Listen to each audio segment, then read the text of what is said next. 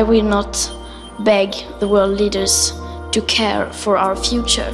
I will instead let them know that change is coming, whether they like it or not. Inte ens när vi står inför en akut kris där FNs generalsekreterare säger att vi har mindre än 20 månader på oss att påbörja den här största omställningen i Homo sapiens historia, i människans historia. Inte ens då kan vi ens bemöda oss att börja tänka i de tankebanorna för att vi är så vi lever så långt ifrån naturen och vi, vi tar vårt eh, gigantiska överflöd så mycket för givet att vi, att vi inte ens eh, reflekterar över oss.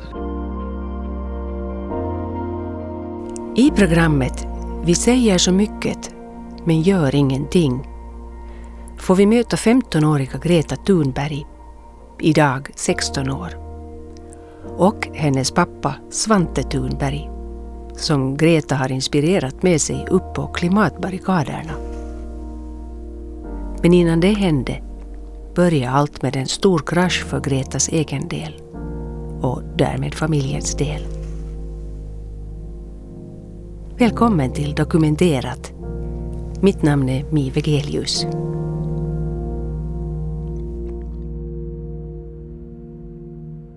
Vet du vem Greta Thunberg är? So we can't save the world by playing by the rules, because the rules have to change. Greta spoke to a crowd in Helsinki, Finland that was a record breaking crowd. Har du i media lagt märke till en spädung tjej som talar om klimatförändringen och vår attityd till den? Och som har diskuterat det här med bland andra FNs generalsekreterare under klimatkonferensen i Katowice i Polen. Och som också gjort ett TED-talk kring detta. So instead of looking for hope, look for action.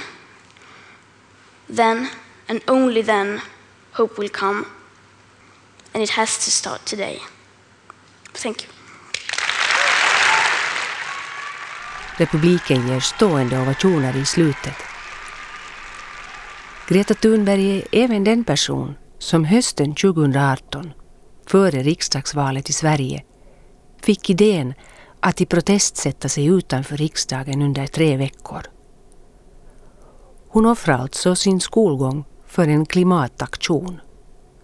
Något som hon säger sig fortsätta med nu en dag i veckan så länge det behövs.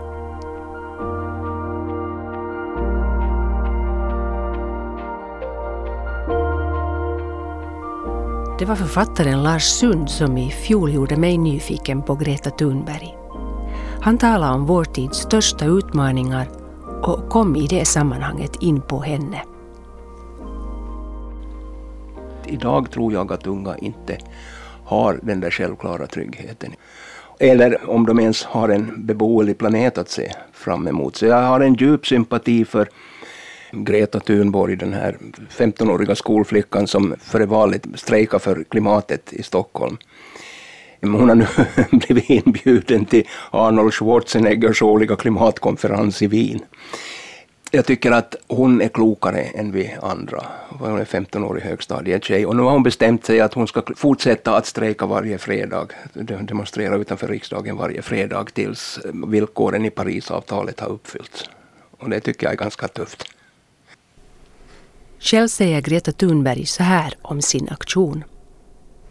Jag tänkte att det är väldigt viktigt att någonting händer. Någon måste göra någonting. Och då får väl den någon vara jag. Då. Det är mitt moraliska ansvar att göra vad jag kan. Och när man då blir äldre så kan man titta tillbaka och säga jag gjorde faktiskt någonting.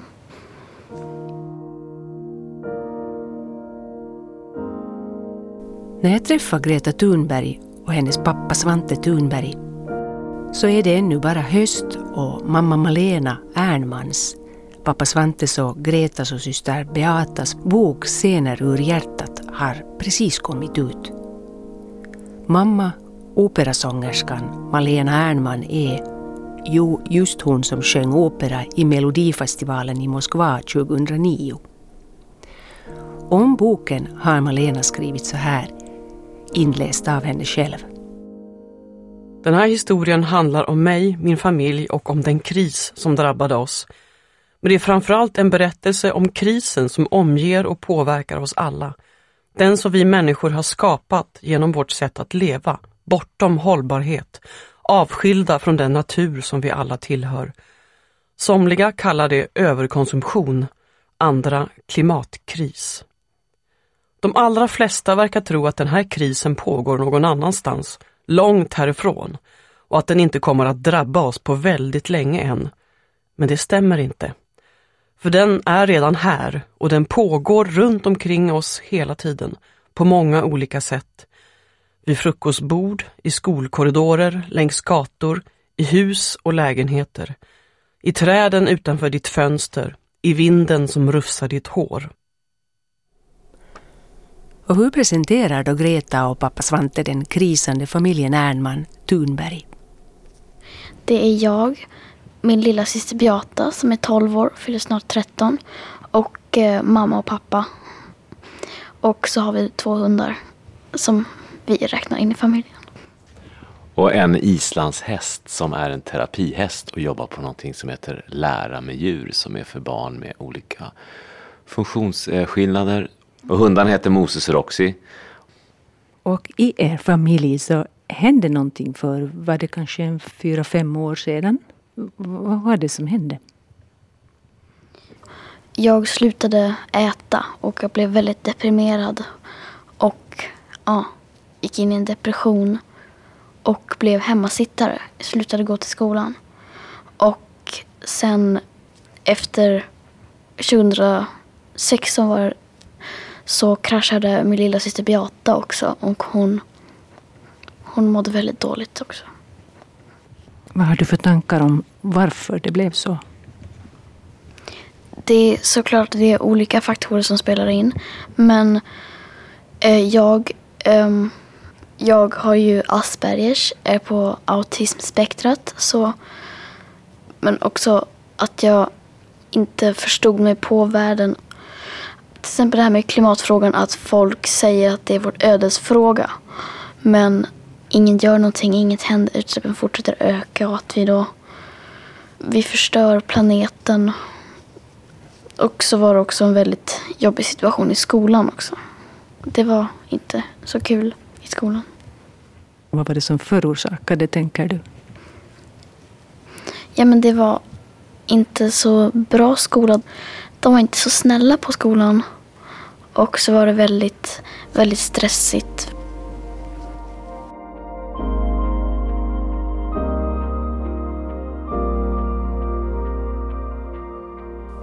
För Gretas del växer sig hennes miljöengagemang hela tiden allt starkare. Och här så bidrar hennes Asperger förmodligen faktiskt till att hon ser problematiken klarare än mången annan. För personer med Asperger har ofta specialintressen som uppslukar dem helt och de tolkar för det mesta språket och verkligheten högst bokstavligt och konkret. Så här säger Greta själv i sitt TED-talk. Asperger's syndrome, OCD, and selective mutism. That basically means I only speak when I think it's necessary. Now was one of those moments.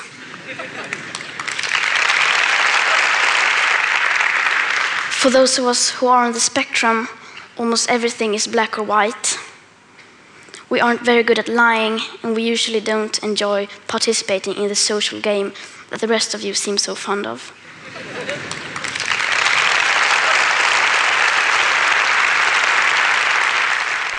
Och så här säger Svante om Gretas miljöengagemang. I den här vevan, så, och det var ju också innan Greta blev sjuk, så, så hade ju Greta fått ett väldigt starkt eh, miljöengagemang. Som, hon fick ju då inte ihop det att, att vi vuxna lärarna på skolan eh, undervisade i hur man skulle källsortera papper och släcka lampor och spara vatten. För de pratade då om den här klimatkrisen då. Och samtidigt så, så sa vi en sak men, men alla gjorde precis motsatsen.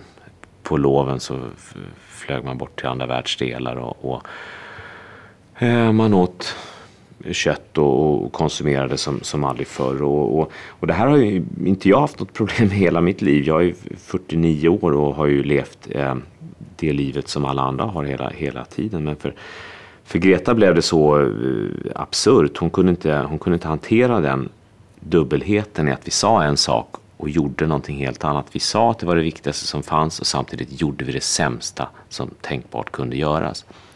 Och hennes reaktion på det var ju otroligt sund för hon, hon slutade ju bara fungera på något sätt. Eh, och hade flera gjort så så hade vi ju förmodligen inte befunnit oss i den situation vi gör. Eh, men i och med det här så började ju då Greta eh, upplysa oss väldigt mycket om, om, om klimatet och hållbarheten. Och det började i väldigt liten skala för många år sedan, kanske för fem år sedan, sex år sedan. Och då sa hon ju att men vi måste spara energi. Och då så svarade jag förstås att jo, jo, men eh, vi måste också ha lamporna tända för vi, låt oss inte leva i mörker, sa jag. Och så höll jag föredrag om hur trevligt det var med lampor och ljus och hur glada vi blev av det och så. Eh, och det säger ju väldigt, väldigt mycket att vi, vi, vi, vi pratar om att spara energi, vi pratar om att vi måste hushålla med jordens resurser men i praktiken så gör vi inte, ägnar vi inte det en, en, en tanke ens. Inte ens när vi står inför en akut kris där FNs generalsekreterare säger att vi har mindre än 20 månader på oss att påbörja den här största omställningen i Homo sapiens historia, i människans historia. Eh, inte ens då kan vi ens bemöda oss att börja tänka i de tankebanorna för att vi är så eh, vi lever så långt ifrån naturen och vi, vi tar vårt eh, gigantiska överflöd så, så mycket för givet att vi, att vi inte ens eh, reflekterar över oss.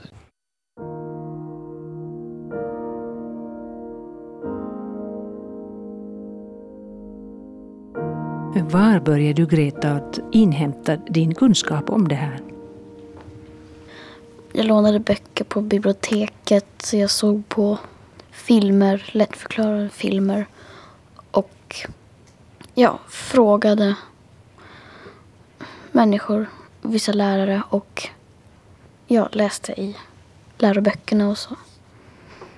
I början. Så vad gjorde du sedan? Jag började släcka lampor och dra ut kontakter. Och mamma och pappa tyckte det var väldigt... De blev provocerade för dem. De trodde att det var tics, tvång. Och de försökte säga till mig att man ska inte ge vika för ticset eller tvången. Och att man blir glad av ljus. Och, så, och sen så såg de på elräkningen att den hade halverats. Och då tänkte de att det kanske inte är en så dum idé ändå.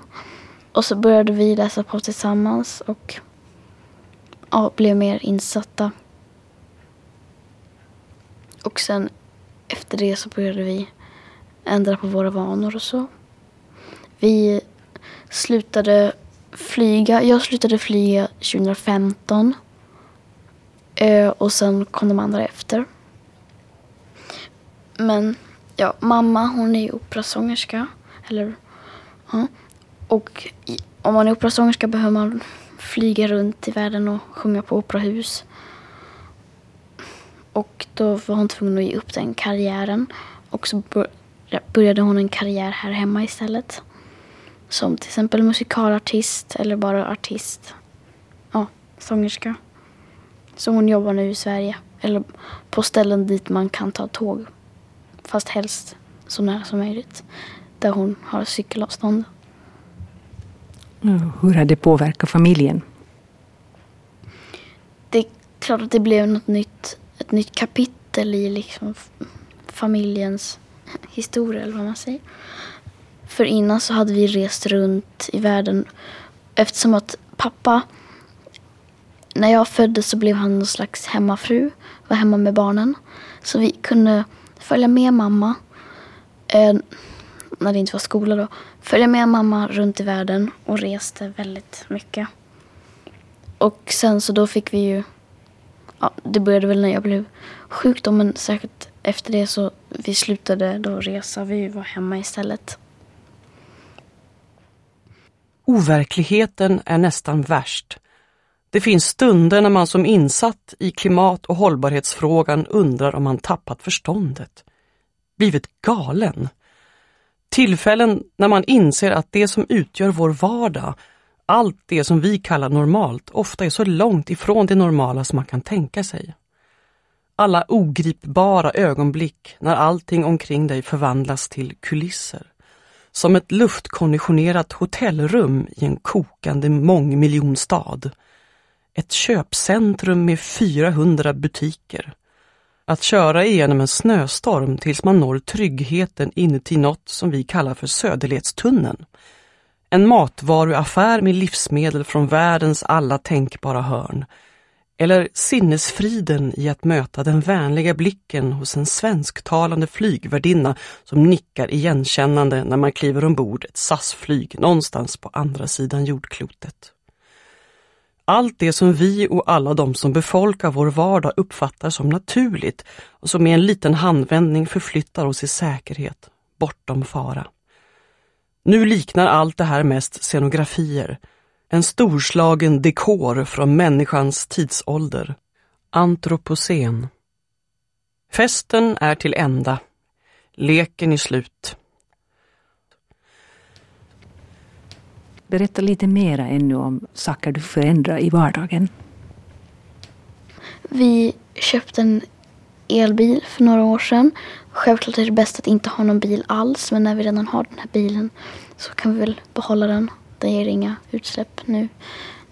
Och jag har slutat äta kött, mejeriprodukter och så. Och har, jag har shopstopp. Det betyder att man bara köper saker som är absolut nödvändiga. Och vi odlar lite egen mat och så.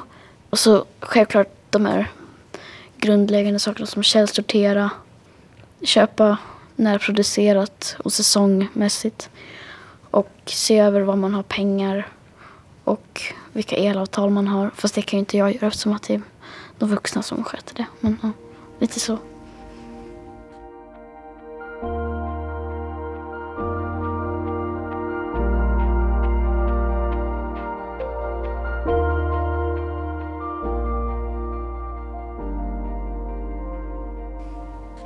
Ja, man kan ju göra jättemycket som privatperson och som individ. Men det är ju viktigt att komma ihåg att all den här konsumtionsmakten som man då ibland pratar om, den är ju i första hand och faktiskt i sista hand också bara opinionsbildning.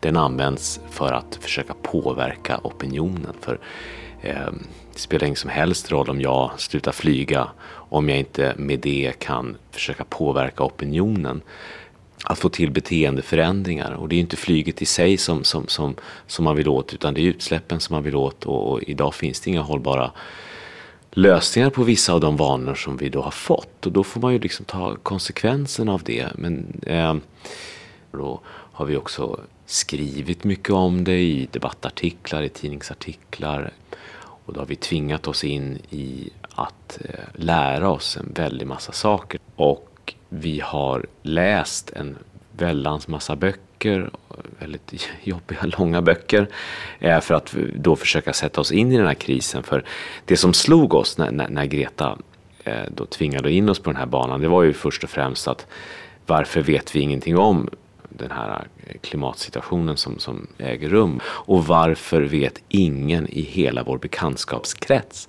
någonting om det här? Då började vi gå till botten med det och det har vi funderat på i, i, i flera år nu och då till slut så tyckte vi att vi hade hittat lite svar som vi inte läste någon annanstans och som ingen annan sa.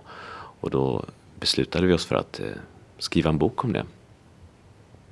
Hur skulle du formulera det svaret idag? Ja, det är väldigt ofta man säger att klimatfrågan till exempel är för svår att ta in och att vi, vi förtränger eh, klimatfrågan. Det är ju ytterligare ett sätt att lämpa över ansvaret på individnivå. Man säger att vi människor förtränger. Då menar man då att vi människor vet om vad som sker. Alla människor vet att vi befinner oss i någon slags klimatkris, eller alla människor i Sverige vet det. Eh, går man till andra länder så är det väldigt mycket lägre. Finland förstås har också en väldigt eh, hög eh, procent av, av medvetande. Ehm, några få andra länder också.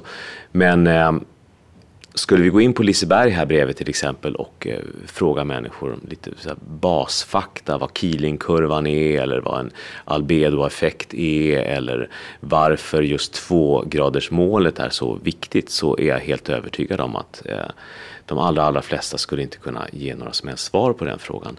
Eh, och det är ju så fruktansvärt fascinerande att situationen ser ut som den gör och att då i det läget säga att vi vet Folk vet inte, folk har ingen som helst aning. För om folk skulle veta om de här sakerna då skulle ju folk vara direkt ondskefulla. Om folk visste om vilka konsekvenser det får av deras vanor och beteenden då skulle de inte då skulle de sluta upp med de vanorna. Då skulle de ändra sig i grunden. Då skulle de förändra sig helt. Och jag tror inte att människor är ondskefulla. Jag tror det är samhället som gör att människor uppfattas som ondskefulla. Vi beskyller inga individer för individerna vet inte om det. Men en individ, så här i er bok så... Jag tänker på statsministern och där du Greta säger att han ljuger. Kommer du ihåg det här? Kan du berätta? Ja, statsministern höll ett tal där han sa ibland ställer vi människor till det han tänkte på klimatförändringar då. Och då tänker jag att det är inte alls så det är.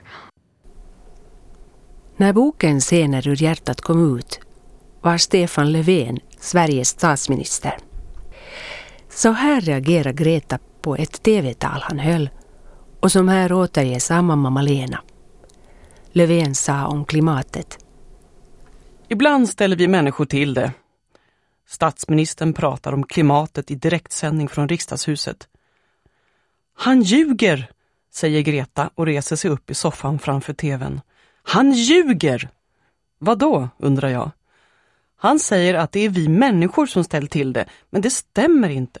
Jag är människa och jag har inte ställt till det. Beata har inte ställt till det och det har faktiskt inte du eller pappa heller. Nej, det har du ju rätt i. Han säger ju bara så för vi ska fortsätta som vanligt, för om alla är skyldiga så är ingen skyldig.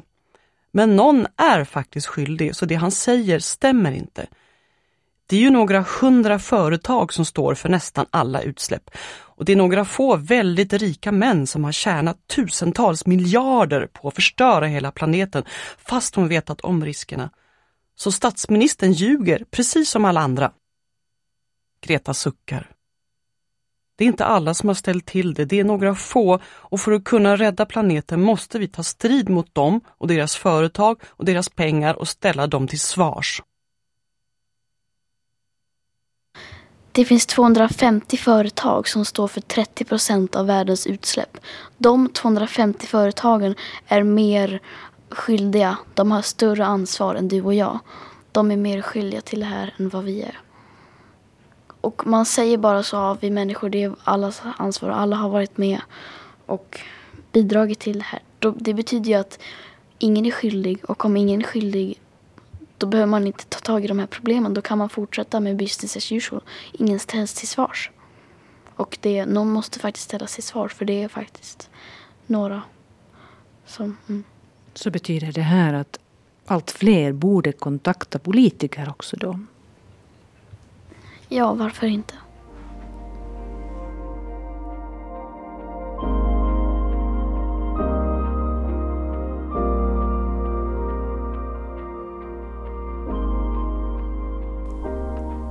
Vad är då till exempel Keelingkurvan och albedoeffekten som Svante Thunberg nämnde?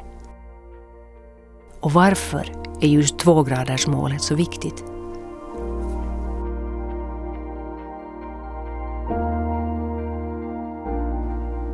Vad är Keelingkurvan? Det är en station som ligger på Mauna Loa i Hawaii. Och där mäter man koldioxidhalten i atmosfären. Har man gjort sedan ett tag och då har man tydligt sett att det har ökat väldigt fort. I år var vi uppe på 410 ppm. Och vad borde max vara? Forskare säger att vi bör inte överstiga 350 ppm i en för oss fungerande atmosfär. Och innan den industriella revolutionen så var vi på 280 ppm. Så vi har höjt det från 280 till 410. Och det året vi gick om 350 ppm var 1987. Så allt som vi har släppt ut efter 1987 är på kredit. Det skulle vi egentligen inte ha släppt ut. måste vi ja, ta bort. Varje år så ökar ungefär koldioxidhalten i atmosfären med 2,5 till 3 ppm. Ja, ppm är förkortning för parts per million, alltså koldioxidekvivalenter. Albedoeffekten det är att om solljus lyser på en vit yta så reflekteras det en stor del tillbaka. Men om det lyser på en svart yta eller en mörk yta då absorberas solljus och värmen absorberas. Och det är det som, om isarna smälter så har vi ingen vit yta som reflekterar värmen utan då har vi mörk yta som absorberar värmen. Så då kommer det bli ännu varmare. Och det här tvågradersmålet, varför är det så magiskt? För att om vi passerar två grader, det är en så kallad tipping point, runaway greenhouse effect, då sätter vi igång en spiral av händelser bortom vår kontroll. Och då kan vi inte gå tillbaka bakom den tipping pointen. Ja. Och den tipping pointen kan ju komma innan, man vet ju inte. Man har ingen tidsmaskin kan förutspå. Men det ska inte vara en anledning till att vi inte ska agera. En politiker kan idag stå i en partiledardebatt och säga att Sveriges utsläpp är ganska låga jämförelsevis i Europa. När då Sveriges ekologiska fotavtryck, ja det kan du bättre än jag veta. Ja, Sveriges ekologiska fotavtryck per capita är bland de tio högsta i världen. Bland de topp tio länder i världen så är vi bland topp tio värstingligan. Och då kan då partiledare stå och säga vi behöver inte fokusera på att minska Sveriges utsläpp för Sveriges utsläpp är så låga jämfört med andra länder. Och det är ingen som ifrågasätter det. Donald Trump är åtminstone ärlig. Han satsar på jobb och pengar och skiter i Parisavtalet och då tycker alla att han är en extremist. Men vi gör ju exakt samma sak, säger Greta. Vi kollar reprisen på partiledardebatten på SVT Play. Svante går ut med hunden istället. Han orkar inte titta, blir för arg. Våra utsläpp är ju bland de högsta i världen, fortsätter Greta upprört. Och nu står nästan alla partiledarna och säger att vi inte ska fokusera på våra egna utsläpp utan istället hjälpa grannländer som tydligen är värre än vi är. Fast vårt ekologiska fotavtryck är ju mycket högre. Och ingen säger något. Hon sitter i soffan med datorn i knät. Utanför fönstret har högsommarvärmen redan gjort sitt intåg fast kalendern knappt har vänts till månaden maj. Vi ligger ju på åttonde plats i världen, fortsätter hon. Ska vi hjälpa andra? USA och Saudiarabien då eller? Det är vi som behöver hjälp. Och programledarna säger ingenting. De vet väl inte att vi har exporterat våra utsläpp till andra länder. Ingen vet för ingen pratar om sånt. Alla klagar på Trumps alternativa fakta, men vi är ju till och med värre än han är. För vi lurar oss själva att tro att vi gör bra saker för miljön.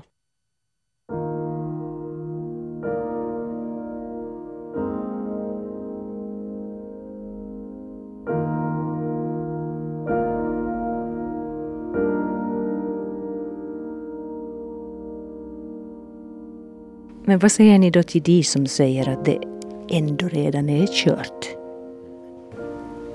Då säger jag att eh, vi kan fortfarande lösa den här krisen även om vi redan har en viss mängd koldioxid i atmosfären som vi på kort sikt inte kan få bort.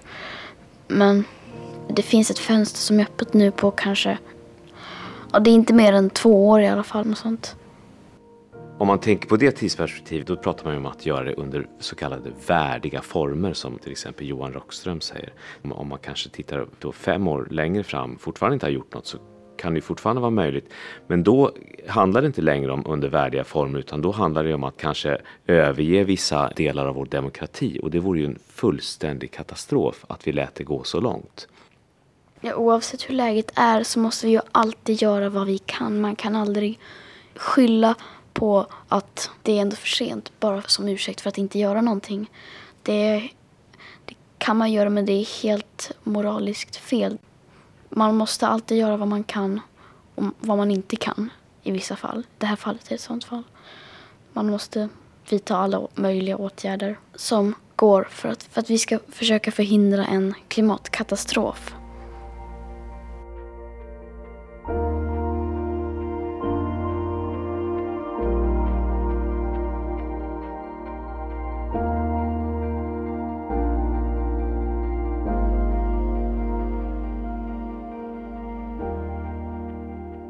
Den tanken då att, att Greta, att borde du få vara mera barn, vad säger du till den?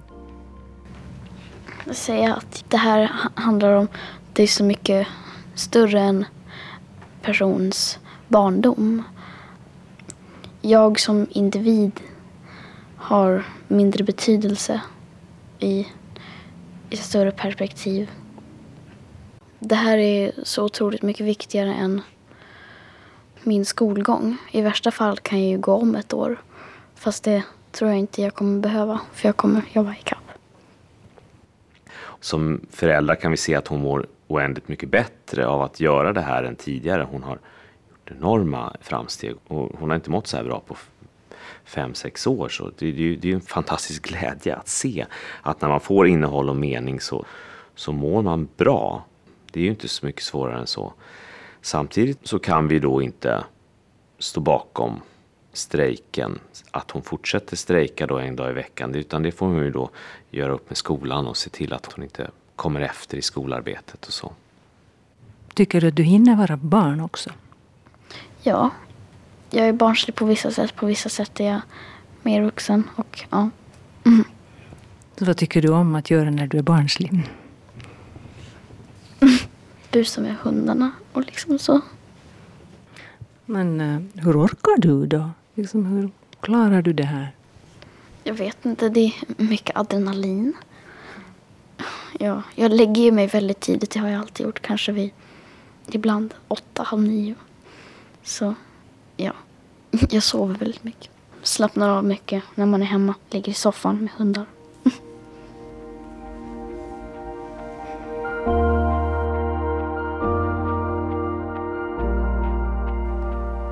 Vi står inför nu, den största icke-ideologiska revolutionen i världshistorien. Vi befinner oss i, precis i början på ett, ett fönster som är öppet, där tillräckligt många forskare säger med tillräckligt mycket klarspråk att nu måste vi agera. Och det finns fortfarande tid kvar att agera. Det fönstret är öppet just nu och det fönstret måste vi alla ta vara på.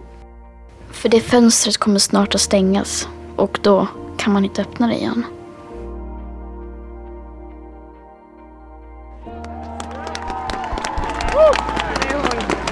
Every single person counts, just like every single emission, every single kilogram.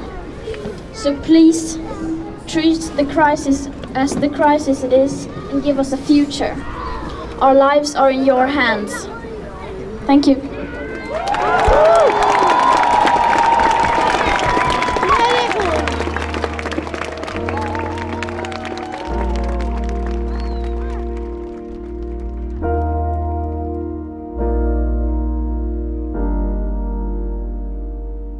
I Dokumenterat har du hört programmet Vi säger så mycket men gör ingenting. Med var 16-åriga klimataktivisten Greta Thunberg och hennes pappa Svante Thunberg. Med uppläsning medverkar Gretas mamma Malena Ernman ur deras bok Scener ur hjärtat.